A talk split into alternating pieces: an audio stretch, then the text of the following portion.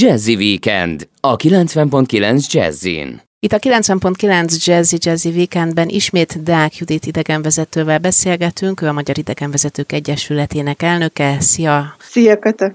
Én mindig nagy-nagy örömmel várom társaságodat, és nagyon szívesen vettem át ezt a hagyományt, a budapesti séták sorozatot. Nem is szívesen vágok a szavadba, olyankor, amikor mesélsz. Az utóbbi hetekben arra kaptunk rá, hogy a belvárosban bolyongunk, Múlt héten ott hagytuk abba, hogy a múzeum kertből folytattuk sétánkat a Kálvin tér irányában a Duna felé, és említést tettünk, de csak röviden a Kálvin téri templomról, illetve a zsinagógáról is abban az összefüggésben, hogy egy picit felelevenítjük a korábbi városfalon belül, ami ugye a kiskörút mentén húzódott, lehetett csak katolikus templomokat építeni, kifelé pedig egyéb imahelyeket. Tehát megtanultam a leckét, és akkor innen Jó. inkább... Jó, ez pontosan, igen, igen. Hát ez pontosan így van, és akkor kapsz egy ötöst. Köszönöm. És akkor, és akkor nézzük meg ezt a templomot. Hát először is van mit nézni rajta. Ilyen rendkívül modern épületek vannak a, a közelben, és nem is akarnék más jelzőt mondani, csak azt, hogy rendkívül modernek ott a közelben, illetve van egy régebben épült, néhány tíz évvel épül, ezelőtt épült szálloda, ami hát nem rossz, és tényleg illik a környezetbe, de igazából a nagy szám ezen a téren a Kálvin téri református templom. Itt előtte van egy Kálvin szobor, és bent Rótmiksa üvegfestménye, és a keresztény szimbólumokon kívül református egyháztörténeti személyek. Ezek a személyek Kálvin János, Bocska István, Petlen Gábor. Genfben van egy reformáció emlékműve, vagy a reformátorok fala. És ott vannak külföldi világhíres reformátorok, akiknek a neve kötődik valahogyan a vallásszabadsághoz. És ott van Bocskainak a szobra Genfben, és a, a szobor alatt pedig ott van a, a végrendeletében hagyott ö, hitvallásnak az egyik mondata, és azt írta, hogy hitünknek, lelkiismeretünknek és régi törvényeinknek szabadságát minden aranynál feljebb becsüljük. És egyrészt ez egy gyönyörű mondat, el lehet rajta gondolkozni kell is, még egyszer, hogy ugye Bocskai, és az időpont, amikor ő ezt leírta, 1606, amikor ő meghalt. Úgyhogy óriási figura volt ő is, nem csak sok más, akiről sokkal többet tanulunk, vagy tudunk, és ebben a templomban, ha bemész, akkor ebben a templomban egy kicsit átgondolhat ezt az óriási dolgot, ami a, amit ő kivívott a, a szabadságharcával, egy zászló alá tudta egyesíteni, összehozni a nemzetet, hogy együtt harcoltak, és hát ugye a vallásszabadság, ami azért az ő nevéhez fűződik elsősorban Magyarországon. A templomot először Hild Vince tervei alapján építették, ugye ez egy híres építéscsalád, és aztán a Hild Vince után, amikor újjá kellett építeni, akkor pedig megnagyobbítani, akkor egy Hild József nevű, tehát azért úgy családon belül maradt. Két tornyot akartak eredetileg építeni, aztán egy tornyú lett a templom. Úgyhogy az az alap, amit csináltak a két toronynak, lett ennek az egy toronynak az alapozása, ami érdekesség ebben a templomban most van nagyon szép kupola, meg szószék, meg nagy harang, meg karzatok. Volt egy asszony a 19. században, és ő neki az volt a amikor meghalt, az volt a végrendelete, hogy különféle templomoknak a karzatait építsék az ő adományából. Egy nagyon hosszú nevű asszony, Zicsi Emanuelné és Strachan sarolta, többet nem mondom ki, ha csak nem vagyok büntetésben, de szóval az anglikán egyháznak volt a híve, és ezért nem lehetett megépíteni, például nem lehetett az ő síremlékét a templomban hagyni. Van egy szarkofág, amiben nincs benne, és a, a síremléke és a földi maradványai, az meg egy kicsit később Hild József készített egy ilyen kis fülkét a falban, hogy ez a kin is vagyok, benn is vagyok, hogy ne legyen bent, ennek a vallásnak ne okozzon gondot, tehát ugye a tilalmat ne szegjenek, viszont valahogy mégis köszönjék meg ezt a csodaszép karzatot, ami ebben a templomban látható, ennek a hölgynek, aki hát az adományt adta is, meg, meg tudták, ki tudták ezért fizetni. Úgyhogy érdemes bemenni a templomba, a templom is érdekes, és a Hildéken kívül és Rótmiksán kívül még a híres Feszlőfrigyes is dolgozott itt, aki a Vigadó építésze volt, a altemplomban lévő síremlékeket francia kőfaragok készítették, szóval ez egy szép templom, csak általában ugye elsuhanunk mellette valamilyen közlekedési eszközzel, és hogyha nem baj, akkor egy picit egy régebbi dologra szeretnék visszatérni. Néhány héttel ezelőtt beszéltünk arról, hogy egyetemi templomról.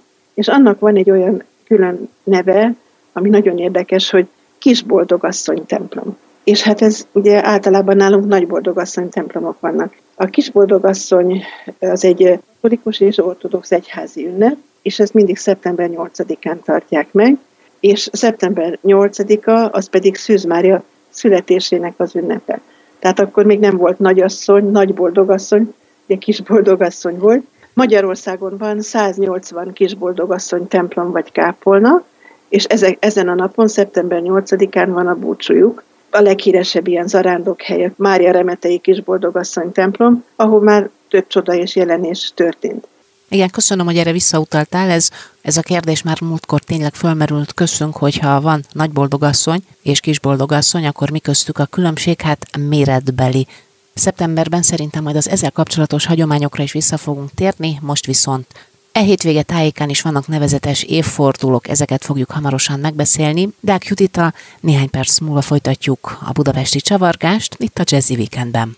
A 90.9 Jazzy, Jazzy Weekendben Deák Judit idegenvezető, a Magyar Idegenvezetők Egyesületének elnöke kísérőnk. Budapesti sétánk során nem csak térben, hanem időben is körül szoktunk nézni. Judit, kérlek segíts sorra venni, milyen nevezetes dátumokat említhetünk a napokban.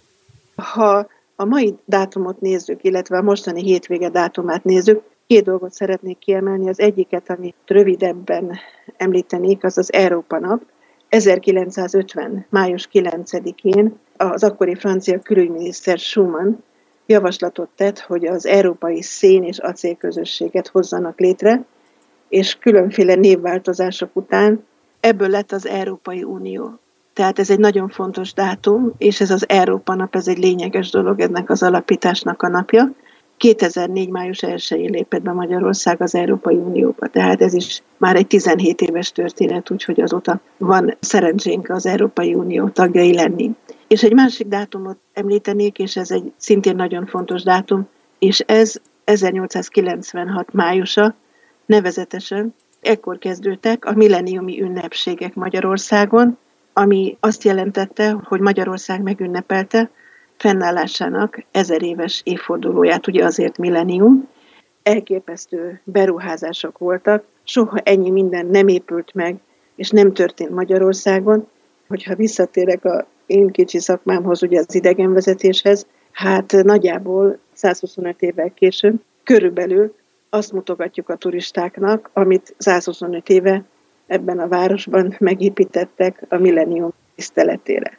Úgyhogy ez, ez egy óriási dolog volt, ez egy óriási haladás volt és fejlődés volt. Általában nem érdekesek nagyon a számok, de itt talán az igen, hogy Magyarországon most nem a mostani Magyarország területét nézzük, hanem a régi Magyarország területét, ugye Trianon előtti 3500 épület vagy építmény készült. 600 iskola épült fel a milleniumra, a legtöbb épület és legtöbb építmény az Budapesten épült, mert Budapest volt ennek a, ezeknek az ünnepségeknek a központja. De Budapesten kívül is a mostani Magyarországon, meg a korábbi Magyarországon különféle helyeken voltak milleniumi ünnepségek. Itt mi rendeztünk volna egy világkiállítást, hát ez a világkiállítás nem jött össze. Aztán lett volna egy nemzetközi kiállítás, amit szintén nem jött össze, akkor végül lett egy nemzeti kiállítás. Mi azért úgy szoktuk mondani, hogy világkiállítás, és például sok eleme ennek a kiállításnak arra hajaz, hogy mintha világkiállítás lett volna. Az infrastruktúrát is döbbenetesen kiépítették. Volt egy vasminiszter, akit azért hívtak vasminiszternek, mert vasúti miniszter volt, Baros Gábor egyébként, keleti előtt látjuk, és az ő ötlete volt, hogy a addig meglévő 700 kilométer vasúti, vasútvonalat, ami három magántársaság kezében volt, vegye meg az állam, és jó értelemben legyen egy tömegközlekedés a, a vasút. Nagyon kevés idő jutott Baros Gábornak, fiatalon halt meg, de még a, az ő életében nem csak folyamszabályozások vagy vaskapu, hanem a 700 km vasútvonalból lett 17 ezer kilométer, óriási változás volt, de mondjuk a 3500 építmény vagy épület közül mondjuk egy építmény a mostani Szabadsághíd, ez volt a Ferenc József híd, vagy a Iparművészeti Múzeum, vagy a Víg Színház, vagy a régi föld alatti, vagy a Szilágyi Dezső téri református templom, a műcsarnok a Hősök terén, maga a Hősök terének az emlékművei, Andrási út rengeteg palotája, amiket arra építettek föl többek között, ugyanerre az ünnepségre akarták fölépíteni a bazilikát, ami sajnos csúszott kilenc évet, illetve a parlamentet, ami csúszott nyolc évet. Úgy látszik, ez egy régi magyar szokás, a népszokások között van, hogy csúszni kell ilyen épületátadásokkal, de ennek ellenére a nyitó ünnepséget meg tudták tartani a, a parlament kupola termében. Szóval elképesztő dolgok voltak akkor itt. Megépítették az Andrási út 285 darab házát. Megépítették a Nagykörút 512 darab házát erre az időre. Amit Pesten látunk a Városligetben, azok közül az egyik mondhatni ikonikus darab a Vajdahonyadvára. Úgy kell elképzelni, hogy kitódult a nép a hősök terére, és tudtak menni már kisföld alattival, mert ezt megnyitották május első hetében. Az volt a cél, hogy ezek a látogatók sétáljanak keresztül a, a téren, hogy ismerkedjenek egy kicsit a magyar történelemmel, átsétáltak, utána megveszik a jegyet ott a hídnál, és akkor beléphetnek a kiállítás területére. 220 pavilont és kiállítási épületet lehetett látni, amelyeket egyébként úgynevezett átmeneti építőanyagból építették, ahhoz hasonlatosan, mint amiből a színházi díszleteket készítik, és olyan jó volt a fogadtatása ezeknek a gyönyörű épületeknek Budapesten, akkor már Budapestről beszélünk, ugye, hogy a város lakói kérték a főváros vezetését, hogy legalább egy épület a gyönyörű épületek közül megmaradhasson, és akkor így döntöttek arról, hogy az úgynevezett történelmi csarnok amit most úgy nevezünk, hogy Vajdahunyad vára megmarad, és lebontották a régi épületet, és tartós építészeti anyagokat, téglát és követ használva felépítették azt a palotát, amit ma is láthatunk.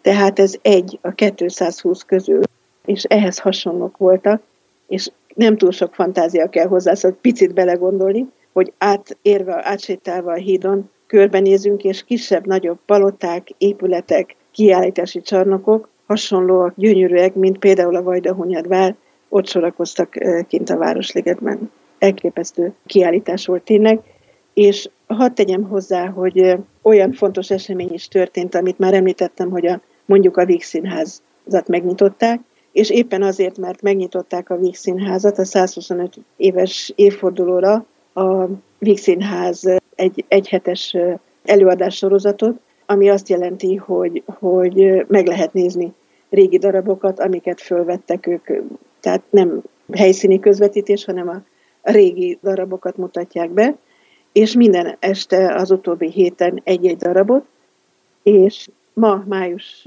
8-án minden idők legsikeresebb magyar zenés színpadi művét fogják bemutatni, és ez a régi padlás. 19 órától meg lehet nézni, és ami ingyenes, és amit a Vix Színház online felületén követ. Emlékezhetünk ezzel is a millenniumra. Nagyon köszi, hogy erre felhívtad a figyelmet. Igen, Kaszás Attila, Igó Éva, Tábori Nóra, Hegedűs Géza, Méhes László, Pápa Érek, és így tovább. Tehát egy régi csapat, aki, aki ugye sok generáción keresztül játszották ezt a padlást, és, és ez a régi eladások közül az egyik. Igen, millenniumozni még fogunk, ez a jó ebben, hogy szabadon szárnyalhat a képzeletérben és időben úgy ugrálunk, ahogy akarunk, és nagyon érdekes az is, amit mondták, hogy gyakorlatilag minden, ami ma Budapesten nevezetesség, az, az a millennium alkalmából keletkezett. Nem, hogy az ördög ügyvédje akarjak lenni, nekem ez egy picit hiányérzetet is okoz, hogy mert hogy azelőttről, a régi középkorból, vagy még előbbről más európai országokhoz képest meglehetősen kevés érték maradt fent, például Budapesten. De kétségtelen, hogy a millennium idejéből viszont annál több minden. Ha azt mondom, hogy, a, hogy mondjuk csináljuk a városnézést, döbbenetes, hogy mi minden megmaradt 125 év hála Istennek. Hát és Budán is fönt a halászbástya. Abszolút, abszolút, igen, igen. És a Mátyás templomot is átépítették, és arra készültek. Tehát a, például a Mátyás templom a millennium előtt egy unalmas és hát egy nagyon átlagos, olyan, hogy így elsétálsz mellette, és nem is veszed észre.